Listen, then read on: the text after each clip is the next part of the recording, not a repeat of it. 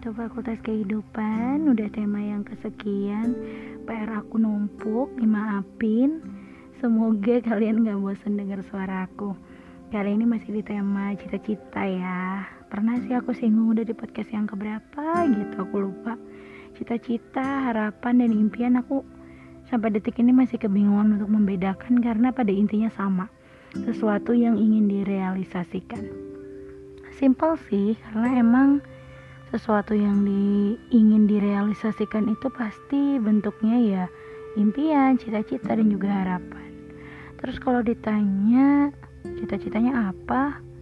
Seiring berjalannya waktu kayaknya cita-cita aku selalu berubah dan menyesuaikan gimana kehidupan berlangsung.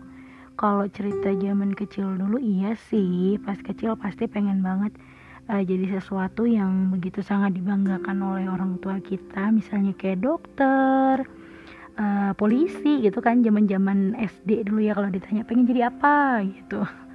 Ya seiring berjalan waktu sekarang lebih kayak kesusahan sih menentukan mau jadi apa ya ntar ke depannya cita-citanya apa ya. Walaupun sebagian udah terrealisasikan tapi di sisi hal yang lain simple hal-hal sederhana yang masih pengen dilakukan dan diusahakan macam kayak apa sih? Pernah sih kayak punya pemikiran gimana ya caranya bikin perpustakaan di rumah gitu yang bisa nantinya dimanfaatkan buat orang banyak bisa kayak gitu juga. Terus hmm, apa ya bermanfaat untuk orang lain kayak punya yayasan naungan gitu atau terlalu besar nggak sih impian aku?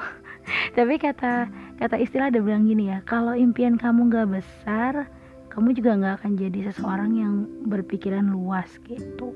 Jadi ya why not mencoba impian dan cita-cita yang besar walaupun mungkin butuh tenaga lebih ekstra lagi. Dan ngomong-ngomong soal cita-cita memang sih menurut aku selalu berubah-ubah ya mengikut seiring berjalannya waktu dan kebutuhan keperluan kita juga pada saat itu.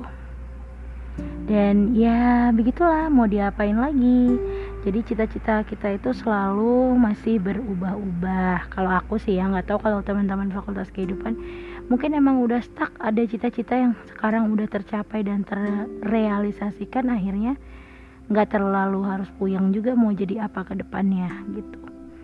Terus satu lagi apa ya? Oh iya punya usaha sendiri yang memang pure aku kelola gitu. Pengen ya kan? Mau di bidang fashion mau di bidang ya apa pun yang masih berkaitan dengan wanita lah yang jelas gitu.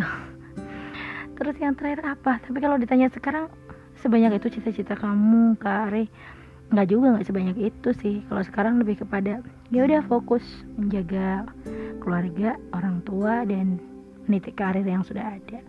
Bukan berarti berhenti sih mimpinya dan oh iya sesimpel itu pengen punya channel YouTube. Seru kali ya kalau belajar uh, podcastnya ini langsung diterusin ke channel YouTube.